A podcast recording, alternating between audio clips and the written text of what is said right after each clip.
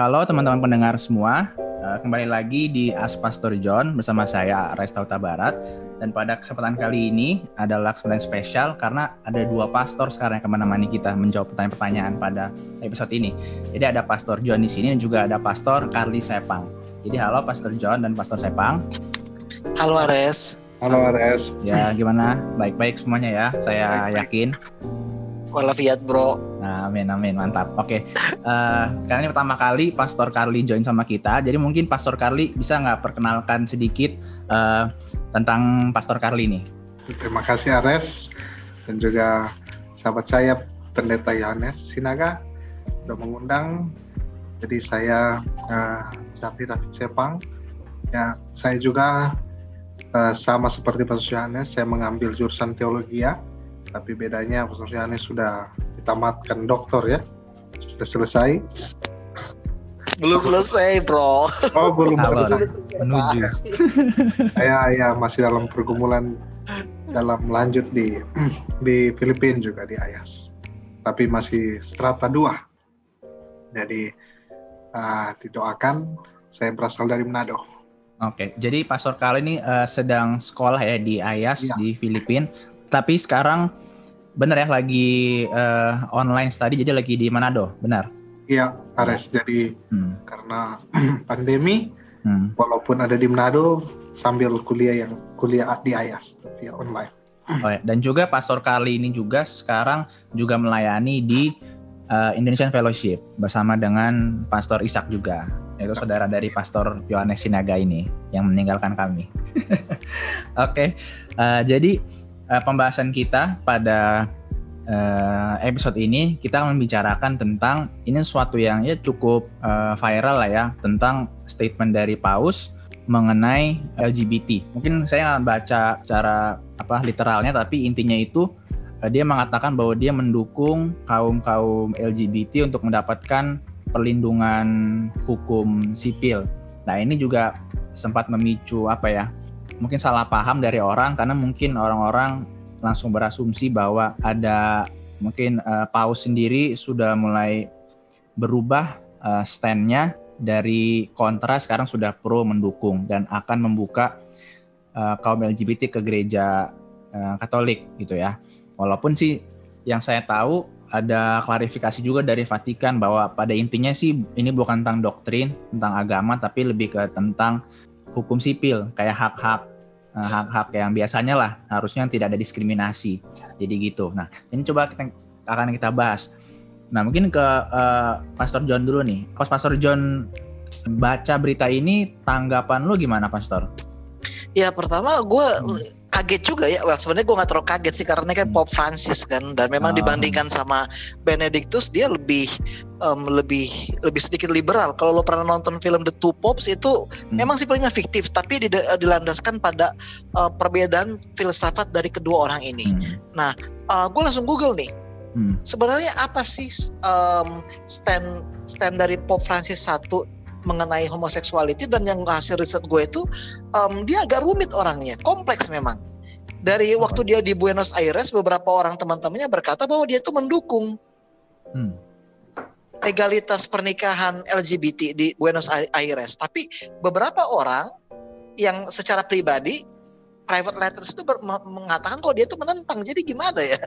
agak agak rumit memang begitu tapi kalau gue sih kalau hmm. gue bilang sih ini um, seperti tadi tadi yang lu katakan bahwa LGBT di Katolik itu nggak sesimpel statement Paus tadi nggak sesimpel itu karena di bahkan di Katolik Katolik sendiri itu uh, terdiri dari beberapa faksi-faksi yang berbeda-beda. Oke. Okay. Dan fakta bahwa Paus berkata seperti itu nggak nggak menjadi jaminan bahwa Gereja Katolik akan merubah pendirian mereka terhadap LGBT komunitas LGBT itu kalau dari gua sih waktu gua um, baca singkat dari statement Paus Francis pertama. Oke oke thank you. Ah, coba sekarang uh, Pastor Carly nih, tanggapan Pastor Carly gimana uh, pada saat pertama kali baca ini berita atau dengar?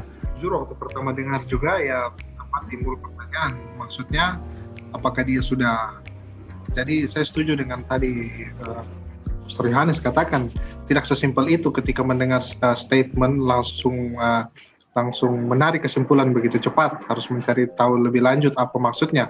Saya juga waktu itu waktu sempat dengar uh, statement itu mau coba-coba cari tahu tapi belum sampai research lebih jauh tapi uh, yang saya pahami bahwa uh, sta uh, statementnya itu atau um, yang dia kasih itu pernyataan itu uh, kayak dia ah, bukan berhubungan dengan teologi ya benar tapi berhubungan dengan apa tadi di civil rights ya kalau nggak salah ya.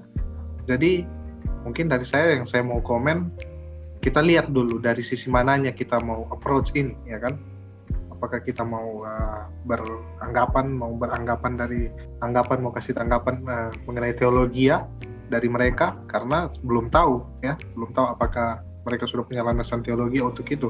Tapi bagi gereja Advent ya bagi para kaum Advent yang telah mendengar ini mungkin mereka langsung uh, menarik kesimpulan bahwa orang-orang Katolik sudah menyetujui ya langsung kan biasa seperti itu kalau orang kaum awam mendengar berita seperti itu mereka langsung bulatkan ya uh, sudah legal home apa uh, perkawinan itu sama jenis di gereja Katolik. Tapi kita sebenarnya harus klarifikasi lebih dulu, lebih lebih lanjut lagi. Saya okay. begitu sudah saya. Uh, jadi res kalau dari yang gue lihat, yang ini gue baca-baca sedikit info nih dari uh, dari website dw.com dikatakan bahwa di tahun 2013 Paus Paus Francis itu pernah berkata kepada jurnalis, "Who am I to judge gay people?"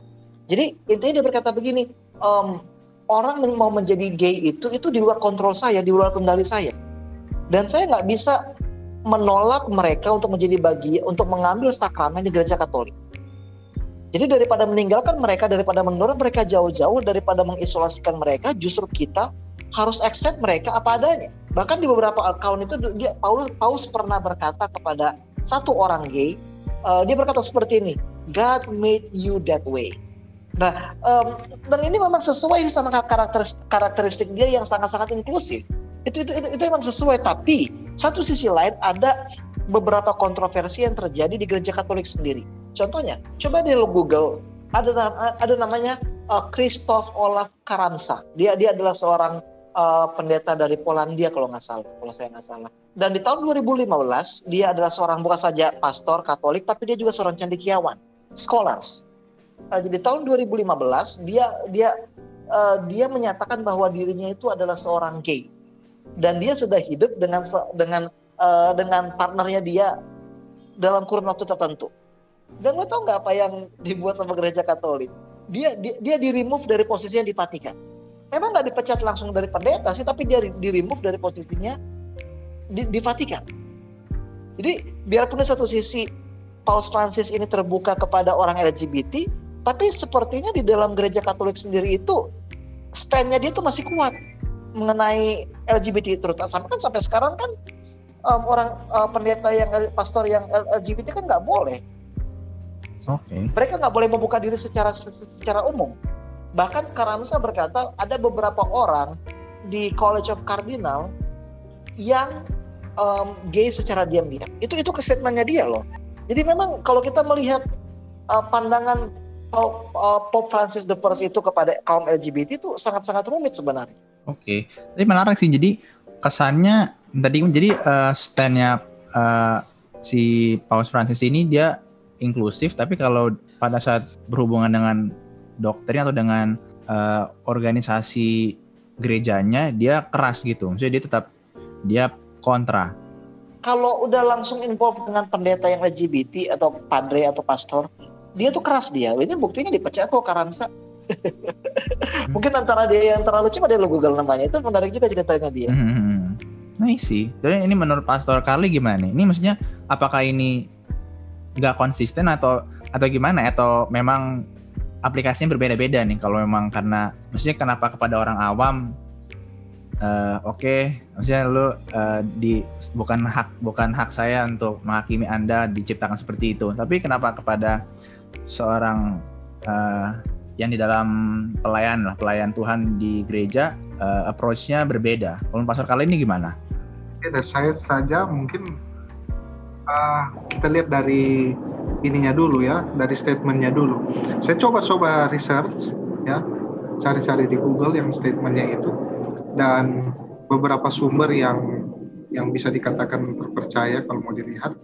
Di sini dikatakan seperti sepertinya seperti uh, dari The Washington Post katanya sepertinya ini pernyataan ini juga uh, mengundang apa namanya uh, dilema bagi orang-orang Katolik sendiri.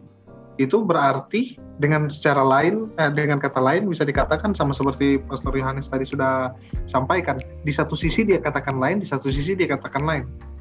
Maksudnya uh, bukan dia katakan lain di satu sisi dia katakan lain. Di satu sisi dia kayak approach approach supaya supaya dia terima. Di satu sisi juga dia kayak approach supaya dia tidak terima. Makanya uh, uh, itu uh, sumber tadi dikatakan membuat dilema bagi orang-orang bagi orang-orang Katolik itu sendiri ya mungkin dari saya sendiri begitu saya tidak mau mau define bahwa Katolik sudah mengambil keputusan saya bukan dari orang dalam ya kalau mau di, bisa dikatakan dan saya juga belum banyak pengetahuan tentang gereja Katolik dan keuskupan dan lain sebagainya.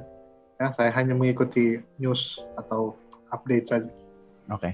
Nah, uh, jadi gue penasaran kalau misalnya kita bawa ini ke yang ke uh, gereja kita lah ke gereja Advent, gue nggak tahu ya kalau kalian pernah ada nggak sih case uh, anggota kita openly mengaku atau pelayan di organisasi kita itu mengaku uh, seorang LGBT kayak udah ada belum ya atau belum pernah ada ya?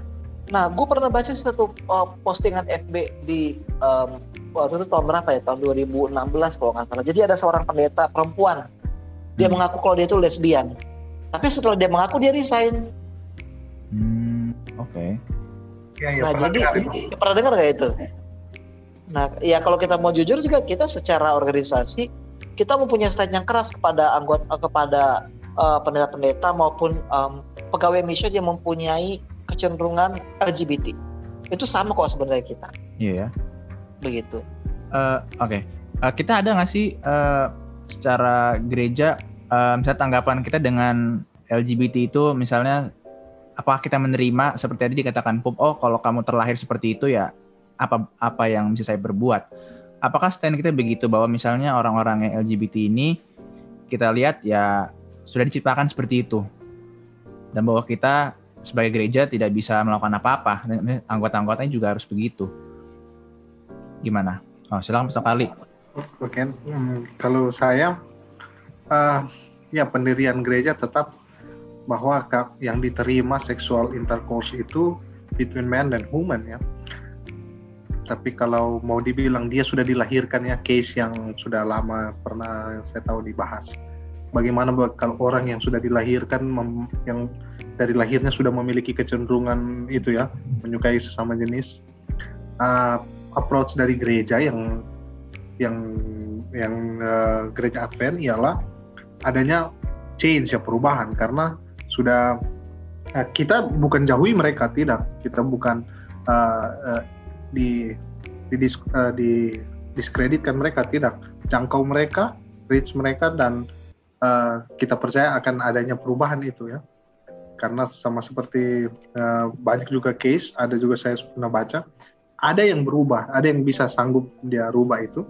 Dia di, sudah apa namanya konsultasi eh, apa dengan pendeta mungkin dan juga mungkin sudah dibawa di tempat untuk di rehabilitasi bukan rehabilitasi namanya apa itu. Supaya dia berubah ya dan approach gereja kita begitu. Ajak mereka untuk berubah tapi tidak di di apa di diskreditkan mereka atau mereka menjadi kayak uh, apa karena pendirian dari gereja kita gereja itu adalah tempat di mana sinners ya orang-orang berdosa saved by grace ya kan semua kita berdosa oke okay.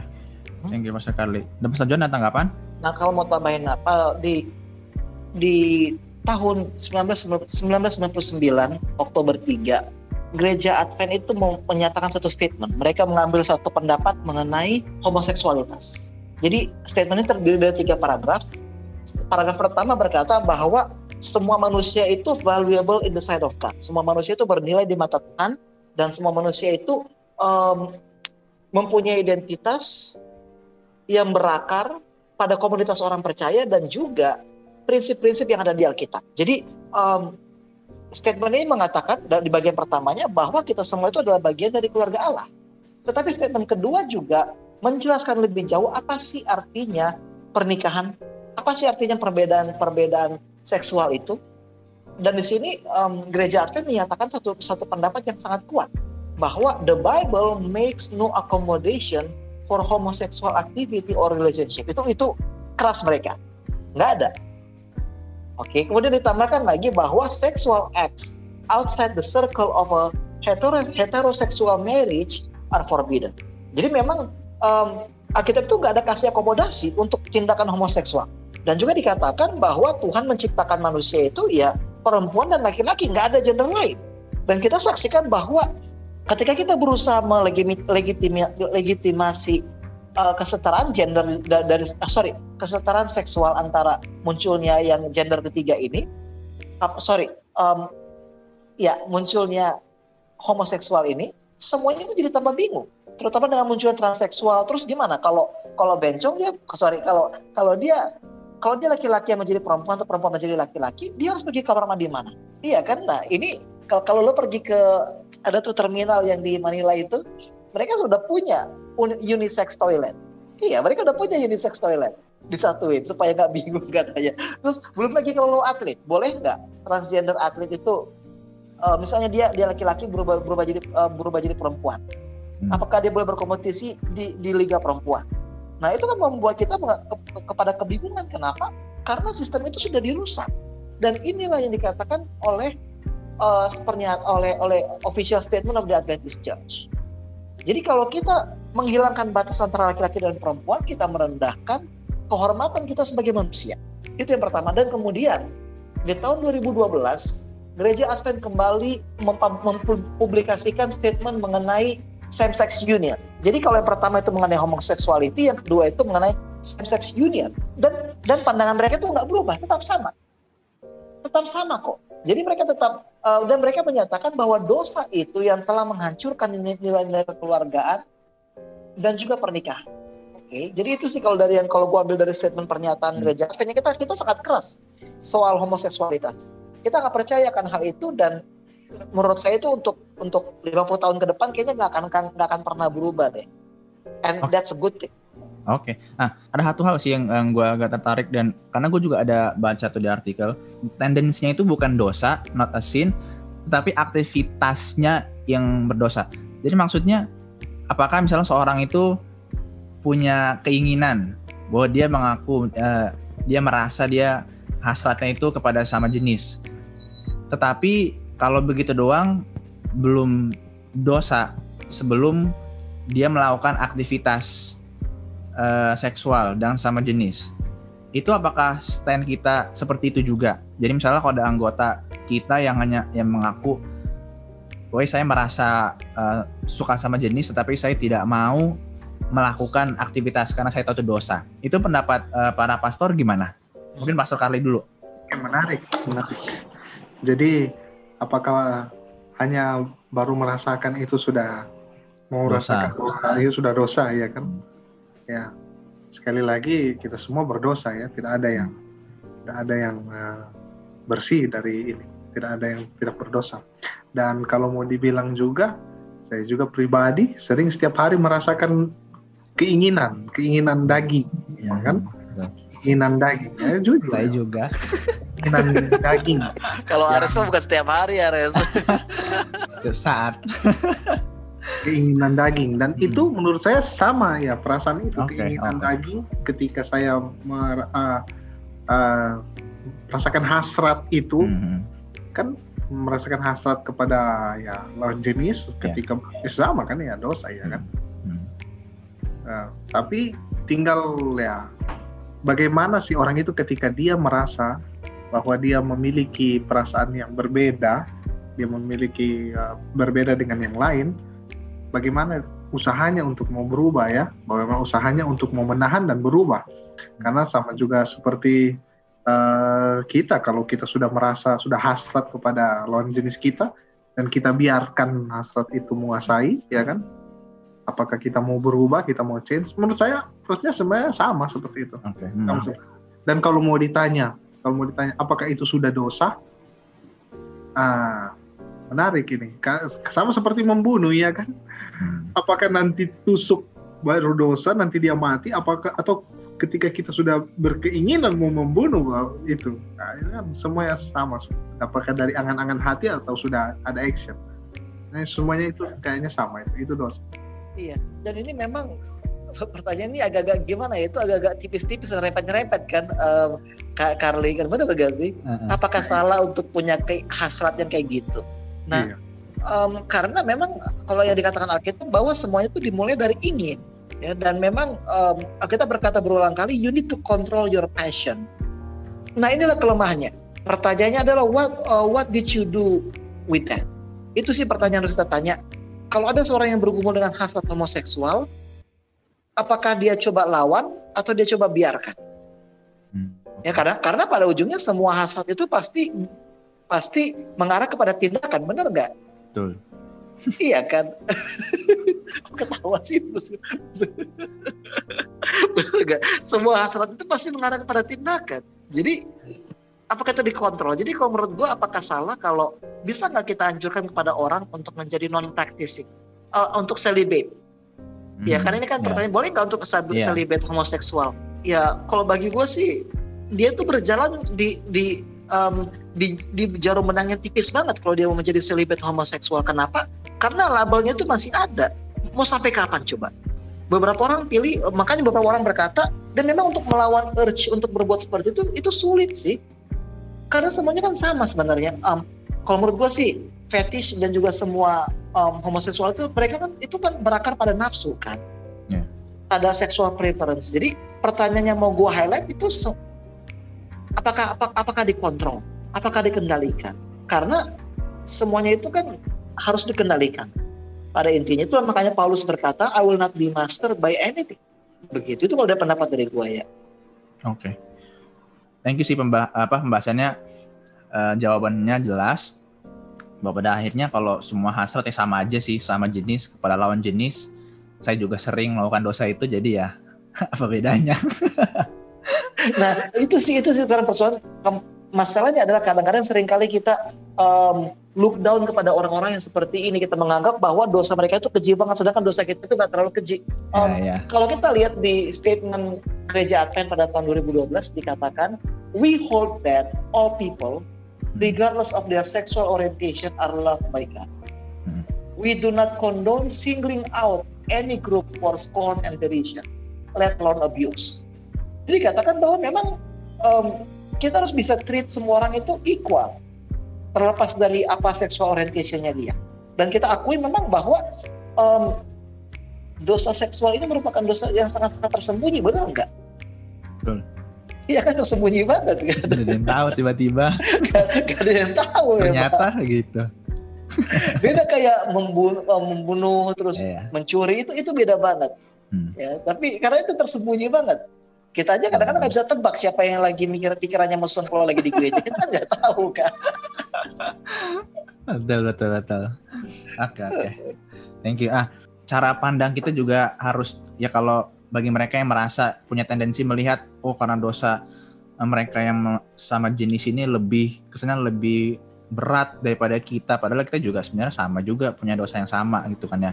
Nah uh, jadi gue masuk uh, tadi kepada uh, equality semua disayangi Tuhan. Dan kita coba kan bahas tentang yang diperjuangkan tadi Paus juga tentang civil rights-nya para kaum uh, LGBT ya atau homoseksual gue nggak tahu stand kita gimana. Apa kalian setuju juga dengan ini kita sebagai gereja bahwa kita juga mendukung uh, maupun uh, homoseksual atau hetero semua harus punya uh, hak yang sama, tidak boleh diskriminasi. Pastor Carly silakan ya. Oke, okay. ya ini haknya ini mau pertanyaan balik lagi. Ini hak di gereja apa di luar gereja? Ah uh, ya, mungkin ini dulu ya. Uh, kita ngomong keluar gereja dulu mungkin ya. Okay. Uh, eh, yang lebih ya. general. Hmm.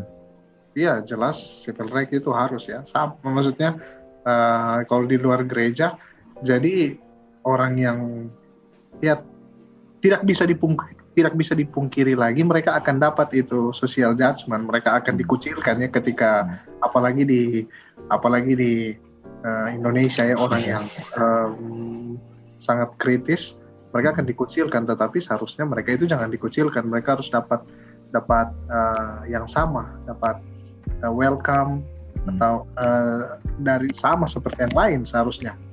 Kalau berbicara mengenai di luar ya mungkin itu jawaban saya hmm. kalau di luar gereja. Tapi kalau di dalam gereja ya case-nya ini kan mereka tanya ini case-nya apakah mereka sudah terlibat langsung di situ? Ya jelas kalau mereka sudah terlibat langsung di itu sudah mereka sudah salah ya mereka sudah kena disiplin gereja kalau mau dikatakan. Tetapi ingat kembali bahwa disiplin gereja itu bukan untuk mendiskriminasi orang, bukan untuk kasih, uh, bukan untuk mau tujuan dari disiplin itu, dari disiplin gereja itu.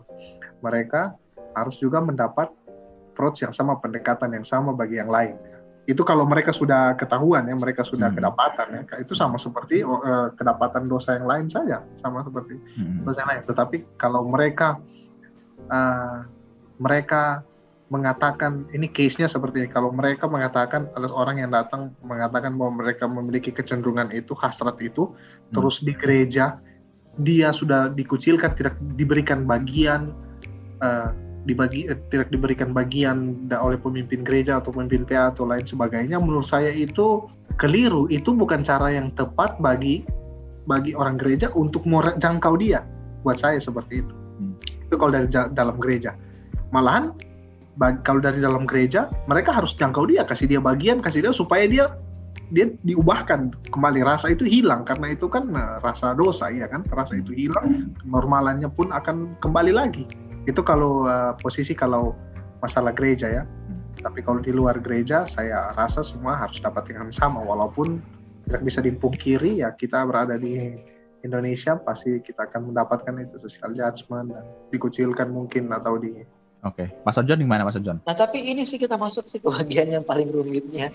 um, nah sekarang gue tanya nih ke, ke, ke Karli nih, kalau misalnya ya bilang lalu rektor di um, di salah satu universitas Advent yang di Indonesia lah, bilang lah ya, let's, let's. terus ada yang mau ngelamar hmm. jadi dosen, dia S3, hmm. dia Advent.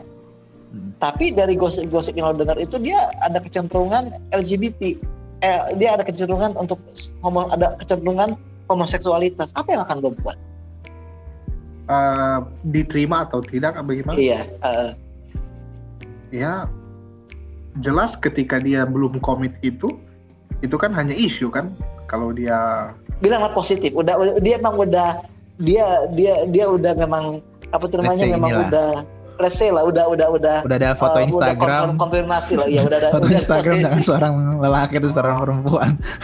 Udah udah udah confirm lah. Oke okay, oke. Okay.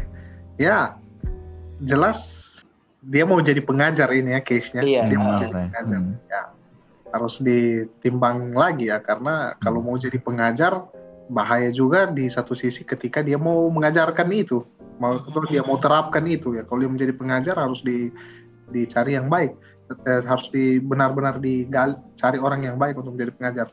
Tapi untuk jangan menjadi dosen saja, jadi pengerja saja ya. Tapi dia sudah kedapatan, sudah positif seperti itu.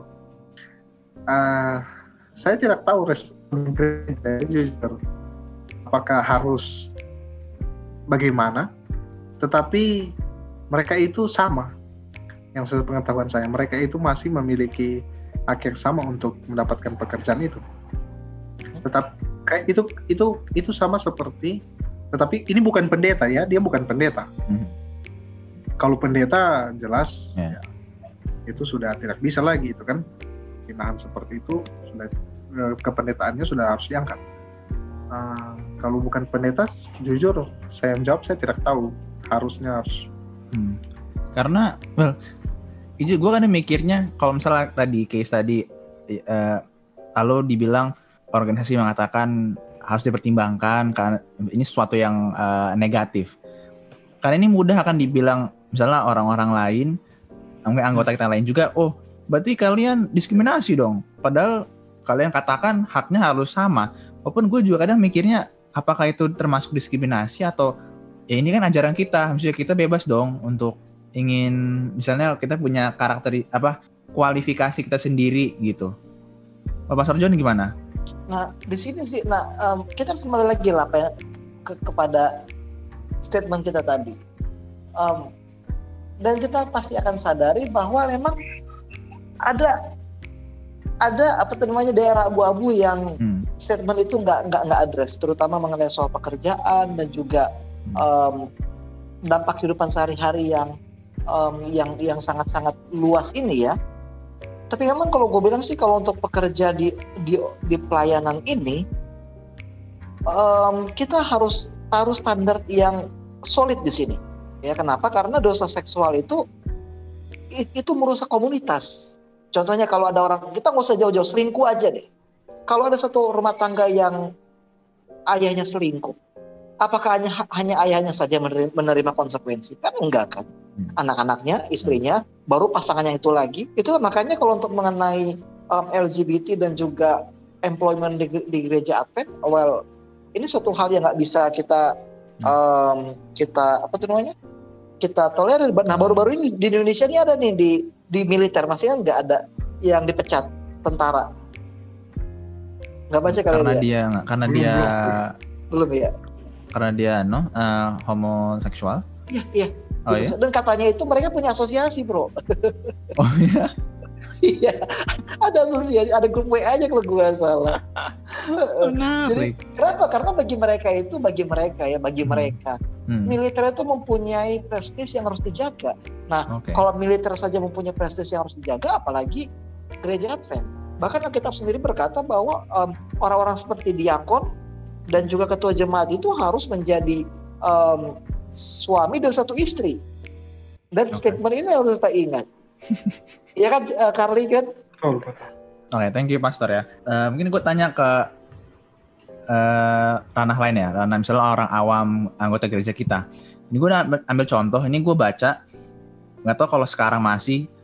Uh, jadi ada perusahaan di di US, tempat, perusahaan tempat makan, di mana katanya mereka itu memegang teguh uh, prinsip Kristen. Jadi pekerja-pekerjanya pun juga harus mengikuti ajaran yang sama. Jadi mereka tidak akan menerima orang-orang yang uh, ya homoseksual karena itu uh, dianggap tidak sesuai dengan ajaran Kristen lah ya. Nah, jadi mereka tidak akan menerima orang ini. Nah, mungkin gue tanya sih, let's see, kita kan anggota awam, anggota awam ada yang pebisnis lah ya contohnya, atau seorang bos. Uh, let's see, mereka mempraktekkan hal yang sama gitu loh. Di perusahaannya atau di di tempat uh, usahanya di tempat ruang makan mereka mereka jelas mengatakan itu. Oh saya kami tidak akan terima uh, orang LGBT nah kalian sebagai pendeta bagaimana? Uh, kalian dukung atau apa kalian akan tegur anggota-anggota seperti ini mungkin dari Pastor Carly dulu silakan anggota yang membuka usaha yang ceritanya iya uh, dan dia mau menerapkan di uh, usahanya prinsip-prinsip gereja ya jadi saya tidak mau terima orang uh, eh, LGBT. Walaupun mungkin ini uh, usahanya bukan bukan mengenai agama atau yang lain ya, maksudnya usaha biasa aja. Oke. Okay. Uh, dari saya, saya, saya yang saya lihat seperti ini.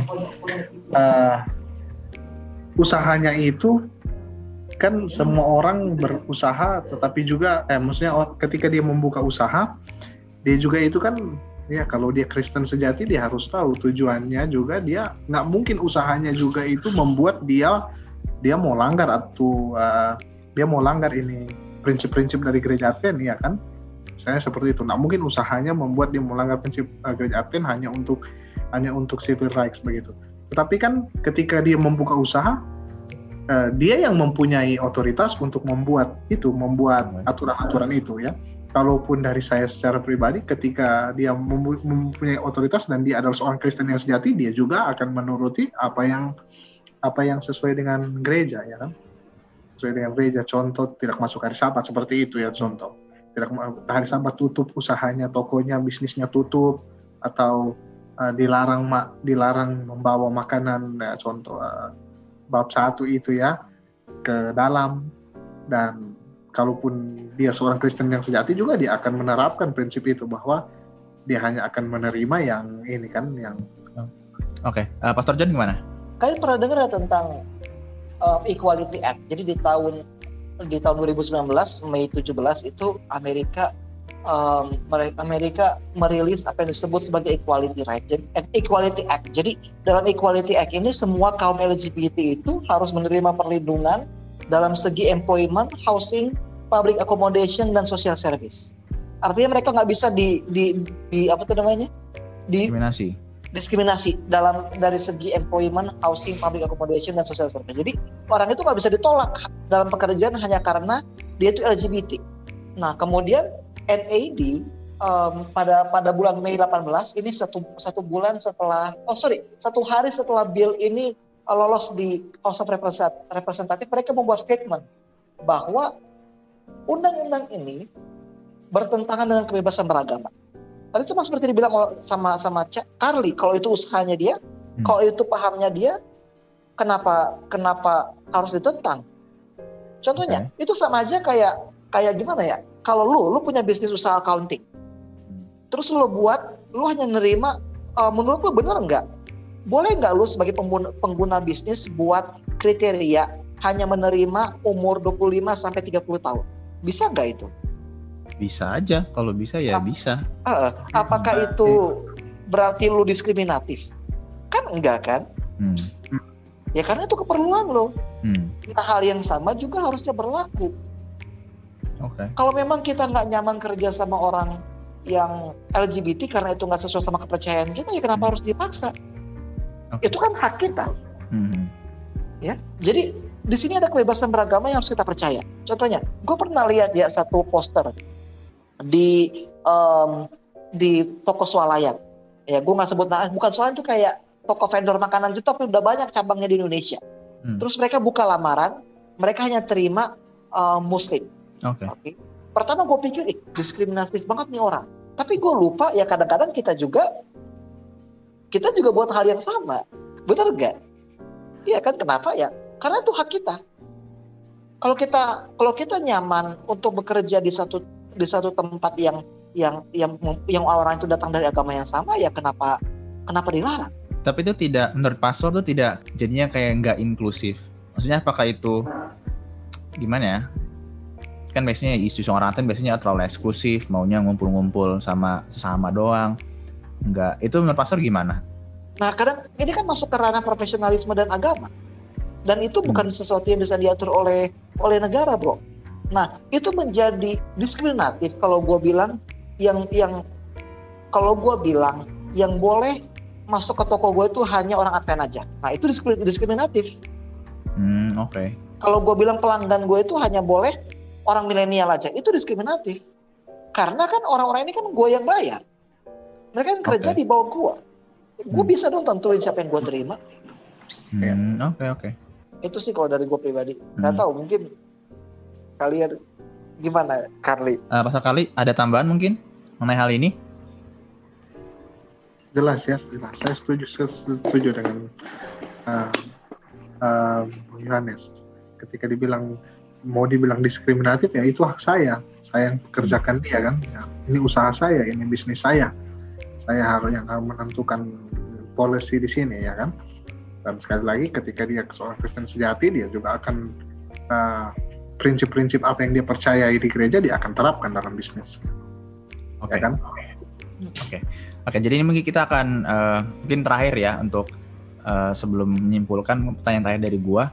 Jadi uh, aplikasinya untuk kita ya, orang-orang awam ataupun uh, pendeta pelayan juga. Jadi gimana ya cara kita, cara terbaik kita untuk mencoba inklusif, misalnya mencoba ya merangkul ya dengan harapan mungkin mereka bisa berubah atau gitu. Uh, menurut kalian gimana approach kita sebagai orang Advent ini kepada teman-teman kita orang LGBT ini?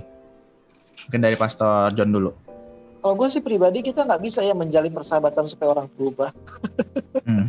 itu kalau gue pribadi, oh hmm. saya mau berteman sama orang LGBT supaya hidup hidup supaya dia dia ganti orientasi. Eh, um, menurut gue enggak sih. Hmm. Karena yang kita bisa adalah ya menunjukkan wajah Kristus kepada mereka. Tapi kalau gue jujur ya kalau gue nggak pernah sih gue nggak pernah sih punya teman dekat yang yang yang kayak gitu hmm. nggak pernah sih sejauh ini mungkin untuk mungkin untuk kalau ke kalau dulu ke Filipina potong rambut itu gue ada satu salon yang yang rutin gue ke sana yang itunya yang pegawainya itu yang yang nyukur eh, eh, um, homoseksual. Itu gue pernah um, waktu itu begitu. Tapi memang karena dia itu bagus nyukurnya bagus pangkasnya. Eh, Pastor Kari dulu. Iya, mungkin saya saja seperti itu. Kita harus jangan diskreditkan mereka, harus uh, reach mereka, jangkau mereka, harus berikan mereka juga kesempatan karena mereka juga itu ya sama seperti kita juga mau mera, mau menjangkau orang-orang pemadat, ya, pemadat rokok dan minuman. Hmm. Bukan kita langsung diskreditkan, jangan kita jangkau perlahan-lahan uh, dan kita terus berkeyakinan bahwa mereka akan berubah dan pasti dengan pertolongan Tuhan pasti mereka akan berubah. Ketika kita memiliki tekad itu, percaya Tuhan akan sanggupkan dia untuk berubah. Jadi itu saja bagi orang-orang awam jangan diskreditkan mereka, terus jangkau mereka, uh, buat mereka sebagai mungkin kalau mau dikat, saya bisa katakan special needs ya, supaya lebih tertarik untuk menjangkau orang-orang seperti itu. Tapi jangan jangan kita yang malahan ikut jadi ya, hmm. karena kebanyakan teman-teman saya ketika dia mau jangkau temannya yang pemadat rokok dia jadi yang ikutan. Oke deh. Jadi kita mungkin akan uh, simpulkan aja tutup. Apakah ada mungkin kata-kata penutup dari Pastor John atau Pastor Carly? Apakah ada atau sudah oke? Okay? Nah semuanya itu menjadi bahaya kalau kita menjadi orang-orang yang menjadi oh, kita menjadi orang-orang yang represif. Kita menekan orang-orang hmm. karena orientasi seksual mereka itu berbeda. Contohnya masih nggak Alan Turing nggak pernah ya nggak pernah kan kalian nggak pernah dengar nama Alan Turing jadi Alan Turing ini uh, dia salah satu tim um, orang-orang pinter di Inggris yang memecahkan enigma code jadi um, ada filmnya bro. Coba deh nanti lihat Imitation Game yang mainin Benedict Cumberbatch jadi um, dia tuh mathematician yang paling brilian. Dia dia bahkan salah satu pionir dunia dunia komputer yang pertama. Nah um, tapi satu hari pemerintah Inggris itu menemukan bahwa dia itu homoseksual. Jadi kehidupannya itu ditekan banget, ditekan banget ya kehidupannya. Uh, untuk bekerja dia menghadapi diskriminasi. Sampai akhirnya dia itu bunuh diri dengan makan apel, apel beracun. Nah kemudian Steve Jobs ketika dia invent apel. apa namanya apel itu dia sengaja ambil itunya apelnya itu dari Alan hmm. Turing gitu. Jadi kita nggak bisa tindakan yang sama kalau kalau dia adalah seorang LGBT kita nggak bisa jauh-jauh sana kamu kan bencong hmm. atau ngeledekin ngeledekin dia hmm. kita sering kan ngeledekin ngeledekin ngeledekin orang kayak gitu kan feminin dikit bencong lu iya cowok lu ya iya. ya nanti kita kan sadar kata-kata seperti itu yang eh. mendorong dia untuk mengubah orientasi seksualnya begitu hmm. sih kalau dari itu kita nggak jangan tekan jangan tekan oke okay, thank you Pastor kali apa ada ingat Tuhan katakan bahwa dia datang juga untuk orang yang berdosa, ya kan? Bukan hanya untuk, uh, tetapi dia datang untuk orang berdosa. Dia mau adanya perubahan itu saja ya. Ketika kita menghadapi case seperti ini, percaya bahwa uh, kasih Tuhan juga dia termasuk dalam kasih dalam uh, keselamatan itu. Jadi thank you uh, para dua pastor ini. Udah banyak sih kayaknya yang udah kita bahas dan dan Nah, mungkin memang isu tentang LGBT homoseksual ini kompleks dan banyak ya perspektifnya. Jadi ya kita juga undang nih teman-teman pendengar juga kalau kalian ada pendapat lain kalian uh, kalian bisa langsung aja tanyakan uh, approach ke Pastor John apa sosial media Pastor John Instagramnya Yohanes Sinaga. At Yohanes Sinaga. Dan juga Pastor Carly apakah ada uh, Instagram atau Facebook? Ada Instagram tapi ah. lupa namanya. oh Facebook ada ya? Facebook apa? Carly David Sepang. Carly David Sepang. Ya, jadi kalau kalian pertanyaan lain bisa langsung aja dan mungkin uh, kalau banyak pertanyaannya kita bisa uh, bikin another episode uh, uh, lanjutan. Oke. Okay? Jadi itu aja dulu dari kita pada episode kali ini. Semoga berguna, semoga bisa dibagikan juga kepada teman-teman lain. Uh, Tuhan berkati kalian semua. Sampai jumpa lagi di episode berikutnya. Bye bye.